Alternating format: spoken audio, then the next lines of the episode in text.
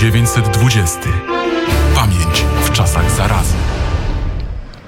I my błyskawicznie przenosimy się za naszą wschodnią granicę. Mamy połączenie z Pawłem Bobołowiczem, korespondentem Radia Wnet, prosto z Kijowa, ale tym razem w drodze. Dzień dobry. Dzień dobry, witam serdecznie. Tak, jesteśmy w drodze oczywiście z Dmytro Antoniukiem w ramach tej naszej akcji, której jingle przed, przed chwilą Państwo słyszeliście, rok 1920, pamięć w czasach zarazy i ciekawostka może od razu, wiem, że też ten temat Jaśmina Ciebie interesował. Dzisiaj rano, wyjeżdżając z Kijowa, najpierw dowiedzieliśmy się o nieprawdopodobnej sytuacji, o strzelaninie w pobliskim mieście do Kijowa i mieście, które też dla nas jest związane z 1920 rokiem, mianowicie już leżące po lewej stronie e, w Dniepru miasto Browary stało się dzisiaj areną e, strzelaniny, w której brało udział około 100 osób. Strzelanina była na ulicach e, miasta Browary. Byli to, były to osoby związane i ta strzelanina była wynikiem kwestii nieporozumienia związanych z kursowaniem marszrutek, czyli takiej prywatnej komunikacji między miastami podmiejskiej.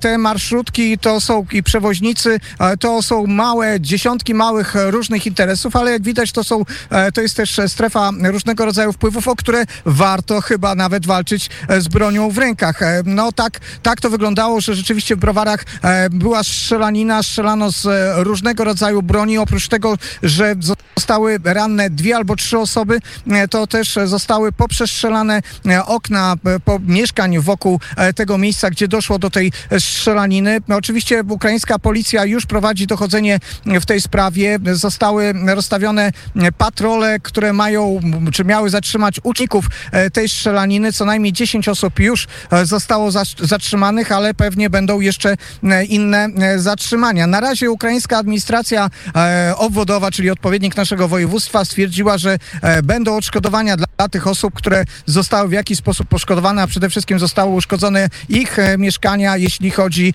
o, o strzelanie po prostu okien tych mieszkań. No cóż, e, e, ta sytuacja przypomina Ukrainę z lat 90. Wtedy e, takie rzeczy, walki pomiędzy grupami biznesmenów, pomiędzy jakimiś grupami wpływów były normą na ulicach, na ulicach ukraińskich miast, ale trzeba przyznać, że w ostatnim czasie raczej wydawało się, że jest to zamierzchła przeszłość, żeby doszło do tego typu starć na ulicach Ukrainy. No wydaje się, że jest to rzecz po prostu nieprawdopodobna. Ten czyn został zakwalifikowany początkowo jako chuligaństwo. Teraz już e, e, rozszerzona została ta klasyfikacja prawna. Jest uznawane, że jest to e, kwestia też użycia broni, nieostrożnego obchodzenia się z bronią, a także zamachu na życie dwóch lub więcej osób. Ale to dlaczego powiedziałem, że browary wpisują się też w kontekst 1920 roku? Proszę Państwa, my dzisiaj mieliśmy być w browarach z Mytrem Antoniukiem, ponieważ był to jeden z tych, jedna z tych miast, gdzie w 1920 roku toczyły się walki. Polscy i ukraińscy żołnierze po zdobyciu e, Kijowa przekroczyli linię Dniepru i między innymi walki toczyły się w Browarach. Ale my dzisiaj z Dmytrem pojechaliśmy jeszcze dalej. Pojechaliśmy 90 kilometrów od e, Kijowa. E, to jest ostatnie miasto na tej linii ukraińskiej, do którego dotarły polskie i ukraińskie oddziały w 1920 roku. A miasto Oster. Dzisiaj byliśmy w tym mieście, opowiadaliśmy o nim na naszym profilu społecznościowym, na profilu społecznościowym Radia Wnet. Opowiadaliśmy opowiadaliśmy bezpośrednio ze wzgórza zamkowego, stojąc nad e, rzeką e, Desną. To, że tam dotarły polskie i ukraińskie oddziały, wiemy między innymi z pamiętników Kutrzeby a, i wiemy też z książki, którą dzisiaj Dmytro zabrał ze sobą. Tak, to jest książka, która się nazywa Wojny polsko-rosyjskie od XVIII e, do XX wieku i autorem był e, Marek Gendek.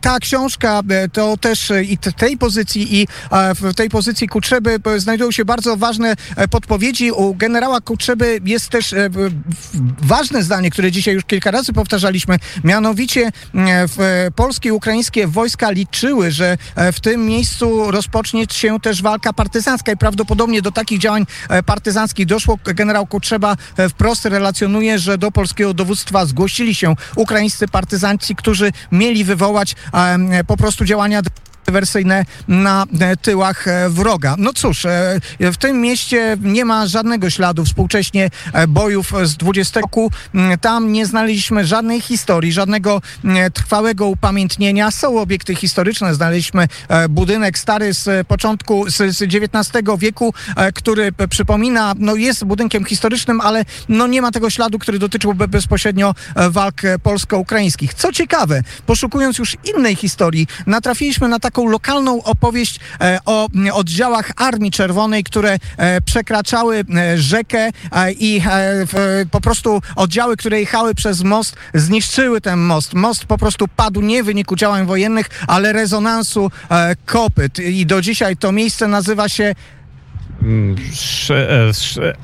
Eskadronka, coś takiego, przepraszam. Eskadronka. Eskadronka dzisiaj ma skróconą nazwę. No nie udało nam się ustalić, czy to wprost e, wydarzenia związane z 1920 rokiem, ale korzystając już z tego, że jesteśmy na tej ziemi czernichowskiej, że jesteśmy po lewej stronie Dniepru, że przekroczyliśmy Dniepr i że jesteśmy w okolicach, e, które no są słabo, znane i utożsamiane z historią Rzeczypospolitej. E, Postanowiliśmy też znaleźć jeszcze inne miejsca dotyczące XIX wieku. To muszę się przyznać, że to Dmytro właściwie w pewnym sensie tutaj nawet e, sprawił mi niespodziankę, bo pojechaliśmy e, do miejscowości, gdzie kiedyś, jeszcze niedawno, znajdował się dwór Michała Czajkowskiego. Czyli słynnego Sadyka Paszy i moim zdaniem to był taki e, James Bond e, XIX wieku, który był przyjacielem e, Adama Mickiewicza. Adam Mickiewicz zmarł w jego domu w Stambule. E, Słowackiego był wybitnym pisarzem, był autorem e, słynnego dzieła Wernihora i e, Jan Matejko napis, e, namalował obraz Wernihora i e, on zmieniał, e, zmieniał religię, był e, urodzony e, szlachcicem, był e, katolikiem, dalej e, przyjął islam, a pod koniec życia już e, przedostał z e, porty otomańskiej znów na Ukrainę i e, według niektórych źródeł e, przyjął prawosławie. To absolutnie niesamowita postać. Byliśmy e, ostatnio teraz we wsi, która się nazywa Borki, Birki po ukraińsku i e, ja byłem przekonany, że tam zachował się dwór Sadyka Paszy Michała Czajkowskiego, e, w którym on popełnił samobójstwo, też mając już ponad 82 lata. Miał za całe swoje życie pięć żon. I e, on popełnił samobójstwo dlatego, że jego ostatnia piąta żona mu zdradzała z jakimś jego pachołkiem, bo ona, myślę, była bardzo młodsza od niego. I e, jeszcze niedawno tam znajdował się drewniany dwór, który niestety dwa lata jak spalili. Dzisiaj znaleźliśmy fundamenty i podziemia tego e, dworu. No to taka dodatkowa historia na tej naszej trasie 1920 roku. I jeszcze tylko powiedzcie, gdzie, gdzie teraz się wybieracie, gdzie jedziecie?